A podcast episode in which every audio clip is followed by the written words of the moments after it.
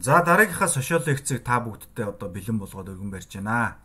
Ингээд эдийн засгийн мэдлэгийг 10 минутанд аваад та бүгд манаас баяртай байгаах гэж би итгэж байна. Миний хувьд бас амхандаа хичээж байна.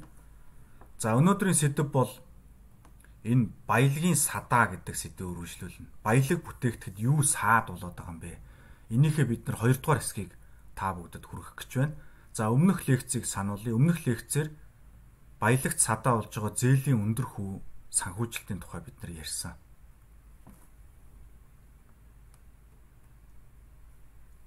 За тэгэхээр компани бүтээмжинд бид нар одоо өмнөх лекцээр а бүтээгдэхүүнийг бүтээхэд гол нөлөө үзүүлдэг гурван орцыг бол ярьсан мөнгө байгаа, хүн байгаа, технологи. За мөнгө гэдэг зүйл дээр ямар асуудал үүссэн бэ? Төр засгийн ямар бодлого өгүүлэгдэт байгаа юм бэ гэдгийг бол өмнө нь бас ярьсан учраас өнөөдөр хүн гэдэг энэ орчийн тухай ярина. За хүн гэдэг орцыг авахын тулд боловсролын систем гэдэг юм улс оронд яах гэж байдаг вэ гэдэг асуудлыг ярив. Тэгэхээр эдийн засгийн ухаан гэхэр маш өргөн үрээг хамардгийг та бүгд харж байгаа баг. Ингээд боловсролын систем бол аливаа улс оронд хоёр настай хүүхдийг цэцэрлэг ясалтанд аваад цэцэрлэгээр дамжуулаад, сургуулаар дамжуулаад, их сургуулаар дамжуулаад 22 настай хүн болгож компаниудад нийлүүлдэг. Яах гэж боловсролын систем оршин тогтонд юм бэ? Энийний үүрэг зорилго юу вэ? Энийг би та бүгдийг бас бодоосоо гэж хүсэж байгаа. Тэгэхээр боловсролын системийн чинь үндсэн үүрэг нь яах гэж анх дэлхийд боловсролын систем байгуулагдсан бэ гэхээр энэ компаниуд бүтээгдэхүүн буюу баялагийг үйлдвэрлэж, эдийн засгийг томруулж, ард түмнийг одоо баян болгоход зайлшгүй шаардлагатай хүн гэдэг энэ нөөцийг нь бэлдэж үүрэгтэй юм аа. Яагаад тэгвэл одоо энийг монголчууд Монголын одоо 90 оноос хойш үе үеийн боловсролын сайдууд ойлгосонгүй вэ?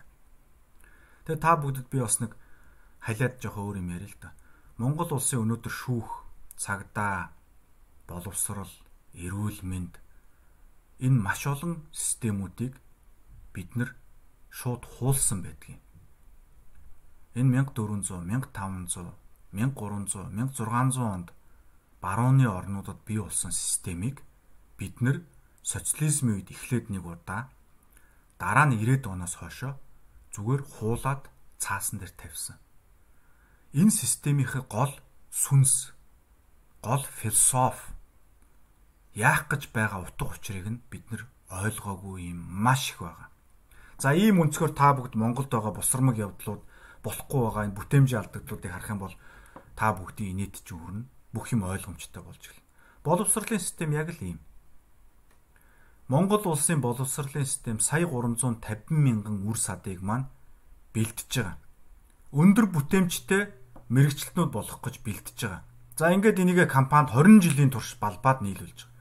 Өнөөдөр гэтэл компани яаж чинь бүтээмжээрээ дэлхийд дэлхийн адагт байна. Яагаад? Ямар хүмүүс бэлтгэдэж гарч байгаа вэ гэд би та бүгдээс сухад та бүгд одоо өө ийм юм байна штэ гэж бодож байгаа. Монголчууд бүр одоо ярьдаг болсон. За за сургуульд жим сурна гэж байдаг юм дөө. Ажил дээр л гарч жим сурдаг штэ гэж. Гэхдээ компани чинь хүн сургадаг систем мөн үү? Биш ээ. Бүтээгдэхүүн үйлдвэрлэх хэрэгтэй. Бүтээгдэхүүн үйлдвэрлэх гээд байж тал юун хажууд нэг ногоо юм орж ирчээд бас юм сурах гад те. Энд бүтээгдэхүүн бүтээх гээд байна. Тэгээ энд бас нэг хүнд юм заах гээд байна те юм юм заахтаа гадна зүгээр зөвхөн ажил заахгүй одоо яаж бараг одоо бос суухын хүртэл заах гэдэг. За тэгээд Монгол ажилтнууд одоо хулгай хийдэг гэд барилгын компаниуд хятад ажилтан ажиллах дуртай. Тэгэхээр энэ боловсролын системээс барилгын инженер, орчуулагч, менежер, эмч, багш, за одоо замын инженер, химийн инженер, математикч, статистикч, нэгтлэн бодогч Энэ үү олон хүнийг яах гэж гаргаад байгаа. Хинд зориулж үйлдвэрлээд байгаа юм бэ? Компаниудад юуг нэмэгдүүлэх гэж, бүтээмжийг нэмэгдүүлэх гэж. Гэтэл өнөөдөр Монголын боловсролын систем юу бэлтэж байна? Ямар хүмүүсийг компаниудад нийлүүлж байна? За тэгэхээр мөнгө санхүү бол Монголын компаниудад ямар том одоо дарамт тулдаг юм бэ гэдгийг би өмнө ярьсан. За тэгвэл хүмүүс одоо тэрнээс илүүтэй дарамт болж байгаа. Монголын компаниуд бизнес хийхэд цаад болж байгаа л хүчин зүйл юу вэ гэхээр чадвартай боловсруулч олдохгүй байна гэж одоо бүх судалгаануудад бол нэгдсэн дуугаар хариулдаг. Тэгээд би дахиад жишээнүүд ярил л да. Боловсролын сайд чи энийг ойлгож байгаа юм уу? Ер нь ямар юмны одоо ямар системийн сайд хийж байгаа тий. Тэгээ Монгол улсын их сургууль гэдэг одоо манай хамгийн том их сургууль байж байна. Одоо компаниудад бол их олон хүн нийлүүлдэг. Монгол улсын их сургуулийн удирдах зөвлөл гэж байгаа. Ректорийн үүргийг ажил үүргийг хяндаг. Энэ удирдах зөвлөл нь компаниудаас төлөөлөл байхгүй ингээд та бүгд боддоо. 9 хүнтэй байсан баха. Энэ 9 хүнтэй удирдах зөвлөлд нь баахан боловсролын яамны хурган дарганаар эсэн бусын төрийн бус байгуулгын юм хүмүүс. Нөгөө хэрэглэгчээс нь Монгол улсын их сургуулийг төгсөгч хүмүүсийг ажилд аваад дутуу одоо болгосон тэр э, хоолыг нэмж чанах тэнд цагаа алддаг нөгөө компаниудаас нь нэг ч хүн байхгүй. Тэгэхээр яаж одоо? Тэгээд дахиад 2 3 жил тутам шинэ боловсролын сайд гарч ирээд ректорыг нь солио хийчихнэ. Удирдах зөвлөлийн бүрэлдэхүүнийг солио хийчихнэ. Ийм аимшигын одоо систем өөрийнхөө чиг зорилго, утга учирыг ойлгохоо үлдсэн. Ийм учраас би боловсролын реформ хийнэ гэж ярьж байгаа Монгол улсад. Тэг яг зарим хүмүүс энийг масаа ойлгохгүй чи одоо араамда яаж хнаа. Чи бол эдийн засагч менежер, банк санхүүгийн тэндэл бай. Бити одоо давраад боловсрал яриад ээ гэж. Үгүй одоо та бүгд өнөөдөр харлаа шүү дээ. Надад энэ Монголын бүх компаниудад бэлдэж өгж байгаа нөөц чи хаанаас ирж байгаа хүн гэдэг нөөц чинь энэ боловсролын системээс ирж. Тэр нөөц чи ерөөсө болохгүй байна. Монголын боловсролын систем дэлхийн адагт хамгийн муу системүүдийн нэг байгаа учраас Монголын компаниуд бүтээмжээрээ ийм таар байгаамаа. Энийг л одоо өнөөдөр бид нар ярьж ойлгох ёстой. За дараагийн би бүтээмжийн садаагаар би орчныг ярмаар байна. Орчин ярмаар байна. Тэр компани бол эргэн тойрондоо одоо хууль эрх зүйн, татврын, за төрийн, улс төрийн гэдэг ийм орчин дотор бол одоо амьдардаг. Загас шиг усан цэлж байгаа загас шиг. За тэгэхээр бидний амьсгалах агаар эсвэл Загсны эргэн тойронд байгаа одоо тэр орчин устай адилхан компаниудын энэ орчин бизнес хийх ажиллах бүтээгдэхүүн бүтээмж гаргах энэ орчин бол цэвэр тунгалаг байх хэвээр. Цэвэр тунгалаг байх хэвээр. За тэгэнгუთ Монголд татвар яаж ч бүртгэл хийсэн энийг мушгиж өөрчилж гимт хэрэг болгох гимт хэрэг хийсэн гэж одоо яллах юм боломжтой татварын систем өнөөдөр Монголд байна. За компаниуд жоохон томроод бүтээмж гаргаад олон улсын зах руу гарах гээд ирэхдээ улс төрчнөр өлөн нохоод ноход шиг гүйлдэд ороод ирдэг. Тэгэд компаниудыг дарамталдаг. Би зүгээр ганцхан жишээ хэлье. Оюу толгой бол зүгээр нэг жижигхэн компани байхгүй юу? Дэлхийн стандартаар жижигхэн компани. А харамсалтай нь сүүлийн 12 жилийн турш оюу толгой гэдэг энэ юм Монголын улс төрчдийн хоол боллоо. Оюу толгой гэдэг одоо энэ бизнесийг зогсоовол зогсооч л да өнөөдөр. Яагаад зогсоох ёстой юм тэрнийгээ яриад ард түмдээ ойлгуулаад зогсооч. Үгүй. Ерөөсөө энэ хитгэн улс төрчид зүгээр л сэдв гаргаж алдаршдаг хэвлэлийн анхаарлыг татаж ард түмэн дараагийнхаа сонгуулийг бэлддэг юм л юм бас.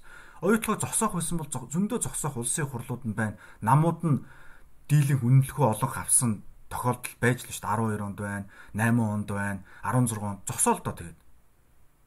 Зогсооч л доо. Үгүй те биш. Гол зорилгын та бүгд ойлгож байна уу оюутлахыг зогсоох байгаа юм биш. Оюутлахыг зогсоох гэж байна тийм байна ийм байна гэж ярьж зүгээр л оюу толгойг дарамтлж тэгингээ өөрөө нэрд гарч байгаа. Тэгэхээр улс төрчид бол одоо компаниуд руугаа өлөн нохот мэт хуцалтан дайрж энэ орчныг муутгадаг ер нь жоохон томроод нэг дэлхийн зах зээл рүү гарыг гэж компанид бол ер нь ер нь хэцүү дээ. За дараагийн дарамт бол мэдээж хууль шүүх. Шүүх яах гэж байдгийг. Иргэний шүүх аливаа гэрээг баталгаажуулах гэж л байдаг. Гэрээг баталгаажуулах гэж. Тэгэхээр баяраа цэцгээ хоёр хоорондоо бие биендээ мөнгө зээлжээ. Баяраа цэцгээд мөнгө зээлсэн байна. Энэ бол факт. Цэцгээ мөнгө өгсөнгүү. Баяраа эргүүлж авъя гэд зээлхээ гэрээг бариад шүүхт ханджээ. Энэ бол надад одоо өөрт тохиолдсон явдал. Би одоо 7 жил болж байна. Хүн зээлүүлсэн мөнгө авч чадаагүй л. Бүх шатны шүүхээр тийм ээ. Чи мөнгө зээлсэн үнэн байна. Чи авах ёстойг л гараад идэг авч чаддгүй. Үгүй. Миний хийсэн гэрээ тэ зээлийн гэрээ баярагийн цэцгээтэй хийсэн гэрээ тэр банк дансаар дамжуулаад шилжүүлсэн тэр мөнгө зээл нь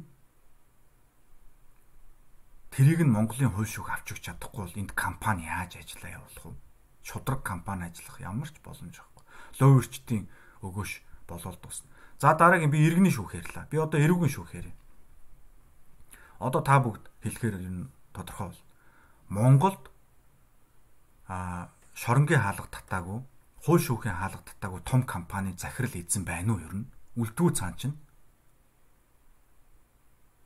Нэг бол Монголын бүх компаниуд лоуэрч юм байна. Бүгдийн шоронд хийгээд цэвэрлээд урагшаа явъя. А эсвэл энэ систем чи асуудал болчлоо. Энэ нэг л асуудал болчлоо шүү дээ энэ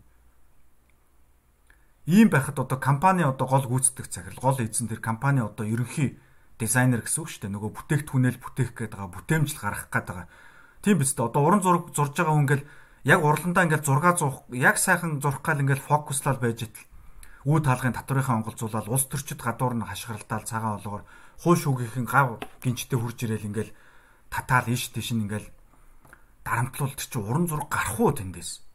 Гэхдээ би их энгийн жишээ ашиглаж байна. Тэгвэл ийм л энгийн юм шүү дээ. Ийм л энгийн юм. Ийм л дарамтанд өнөөдөр Монголын компаниуд ажиллаж байгаа учраас бүтээмж гарах ямар ч шанс байхгүй. За тэгээд төр. За энэ төр гэдэг нэрийн дор мэрэгжлийн хяналт одоо төрийн бүх байгуул. Монголд ч бүх юм лицензээр явдаг дээ. Бүх юм лицензээр явна. Барилгын компани бол баахан тэр барилгатай холбоотой лиценз тусгай зөвшөөрөл авна. За санхүүгийн үйлчлэгээ явуулдаг бол баахан тэр тусгай зөвшөөрөл юм аавна гэд Монгол тусгай зөвшөөрлгүй бизнес байхгүй тэр болгонд нь юу гэдэг ямар нэг тийм агентлагтай ийм төрөвтэй тийм ээ тэр төрн тэгэл одоо тэрийн дарамтлаад яагаад байгаа бүүмэд ингээл зогсоогоол гацаагаал байж идэг. Тэгэд энэ улс төр төр хоёр бол яадаг вөхөр нэг сайд гарч ирэл нэг гой бодлого гаргана тэрийн дагуулаад хөрөнгө оруулалт хийгээ явж идэл нөгөө сайд нь гарч ирэл бүгдийн өмнөх сайдынхаа одоо бүх хүнийг шоронд хийгээл байрал ингэхээр компаниуд нь дагаад одоо хэлмэгдэж байгаа. Тэр сая жижиг дунд үйлдвэргээд ярьж ин лээ Тэрнтэй холбоотой юугүй баг 200 компанийг шалгаж байгаа гэнэ үү? Тэр нэг хідэн улсын хурлын гишүүд жижиг дунд үйлдвэртэй холбогдсон гэдэг нэрээр 200 компани захиралтанд авилгатай тэмцэх газарт очиж үйл үзчихлээ байгаа байхгүй юу? Ер нь бол ийм л юм болж байгаа. Жижиг дунд үйлдвэрлэлийг дэмжиж гэж төр өөрөөл зарласан. Тэрэнд нь компаниуд зээл авах гад материал өгсөн ба. Тэр дунд нь мэдээж нөлөөтэй лоерчин компани байсан л байлгүй тийм ээ байсан л баг. А гэхдээ дийлэнх нь бол бор зүрхээрээ л явж байгаа хүмүүс. Ингээл хардагдаал, сэрдэгдэл, дарамтлуулаад өмнөх төрийн үед гарсан бодлого шин төрийн үед дандаа залгамж халаалдагддаг. За энэ Монгол улсын одоо энэ төр бол тогтургуун байна. Төрийнхөө бодлогыг байнга өөрчилдөг юм байна гэдэг энэ юмнаас бол гадаадын хөрөнгө оруулагч нар бүр залхаж гүйцээд эхнээсээ гараад дуусч байна.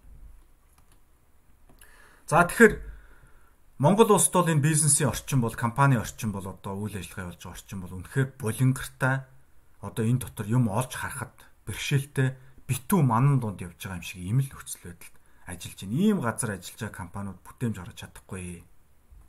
За ингээд энэ дээр бол ямар мангас цэцгэлдэг вэ гэхээр авилгал гэдэг мангас цэцгэлдэг. Компаниуд мөнгө хийдэг. Тийм ээ компаниуд бүтээгдэхүүн үйлдвэрлээд мөнгө олдог.